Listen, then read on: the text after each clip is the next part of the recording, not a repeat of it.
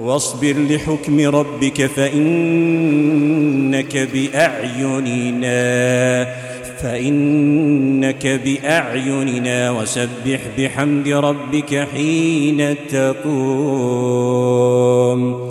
واصبر لحكم ربك فإنك بأعيننا وسبح بحمد ربك حين تقوم. فأمر بالصبر لحكمه.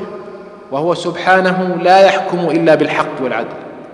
وقال له فإنك بأعيننا.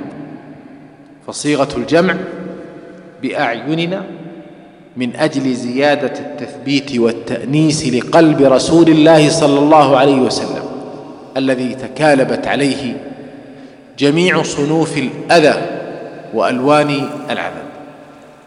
ثم وقد قال الله سبحانه وتعالى لموسى ولتصنع على عيني. ومن كان بعين الله ومرأ منه فلن يضيع ولن يغلب.